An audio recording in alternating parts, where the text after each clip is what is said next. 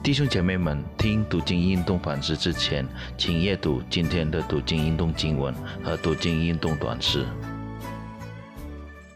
主内弟兄姐妹们平安，感谢神，我们是有福的人，因为我们可以无时无刻的思想神的话语。诗人说：“凡喜爱耶和华的律法，昼夜思想的，这人变为有福。”但愿我们每个人就可以像那棵栽在溪水旁、按时候结果子、叶子也不枯干的树。还没思想神的话之前，请大家和我一同低头祷告。亲爱的天父，感谢你不断的接着你宝贵的话语来对我们说话。这时刻，我们要预备我们的心，聆听你的话，思想你的话。恳求圣灵帮助我们，可以明白。不但明白，也可以实践在生活中。我们如此祷告，是奉主耶稣的名，阿门。我们今天所要思想的主题是最阻碍了祷告。经文取自于以赛亚书第五十九章，请大家和我看几节经文。首先，我们看第五十九章的第一至二节：耶和华的膀臂并非缩短，不能拯救。耳朵并非发沉，不能听见，但你们的罪孽使你们与神隔绝，你们的罪恶使他掩面不听你们。我们再看十二至十三节，我们的过犯在你面前正多，罪恶做见证告我们，过犯与我们同在。至于我们的罪孽，我们都知道，就是悖逆，不认识耶和华。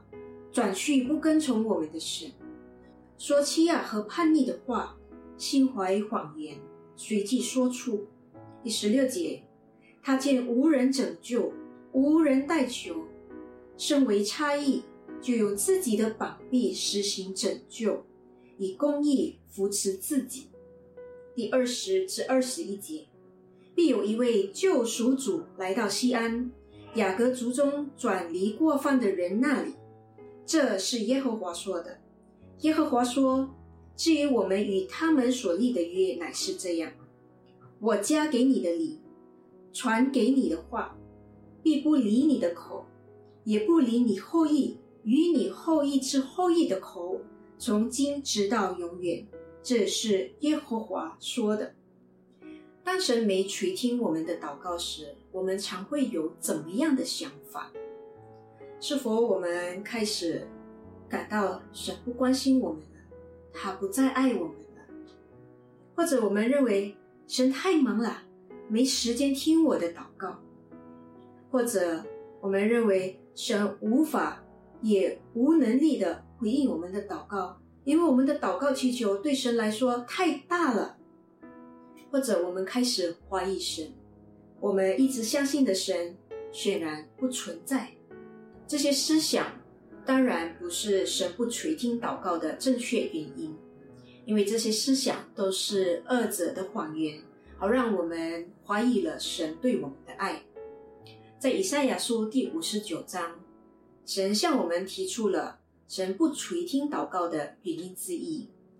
第一节告诉我们说，耶和华的膀臂并非缩短，不能拯救；耳朵并非发沉，不能听见。这表明我们的神是全能的，不受任何局限的。他有能力帮助我们，他能听见我们的祷告。那既然神是全能的，能够提供帮助，而且他听见我们的祷告，为什么他不回应并提供帮助呢？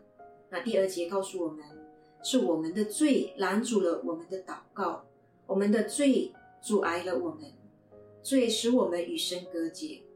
若是这样，我们该怎么办呢？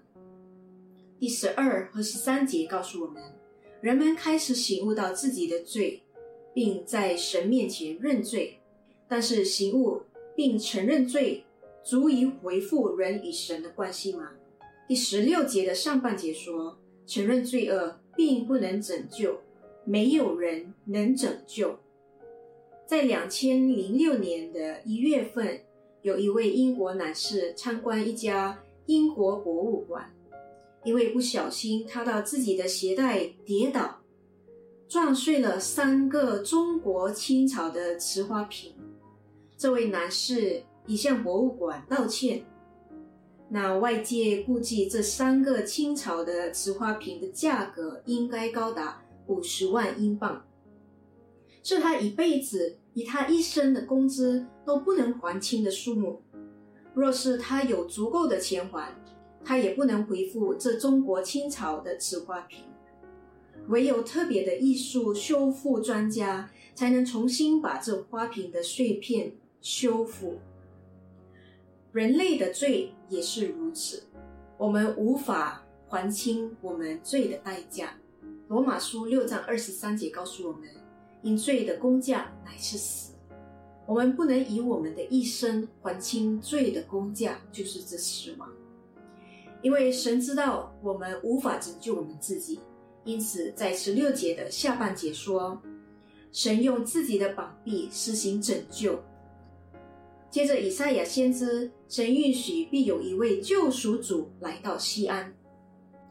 感谢主，这允许已经应验在耶稣基督身上。耶稣基督就是我们唯一的答案。唯有耶稣能代替我们还清罪的代价。耶稣基督在十字架上受死，他所流出的宝血还清了我们罪的代价，使我们与神和好。因信靠耶稣。神赐我们他的灵，他的话永不离我们的口。不但如此，耶稣也给了我们天父垂听祷告的秘诀。耶稣说：“你们若藏在我里面，我的话藏在你们里面，凡你们所愿意的祈求，就给你们成就。”当我们活在主里面，主耶稣活在我们里面，我们就可以相信。我们的心和耶稣的心就相连了。那我们也知道，耶稣以天父原为一，因此天父的心意也成为了我们的心意。因此，我们所求所想的必定是符合神的心意，那神就必成就我们所求所想的。这就是天父垂听祷告的秘诀。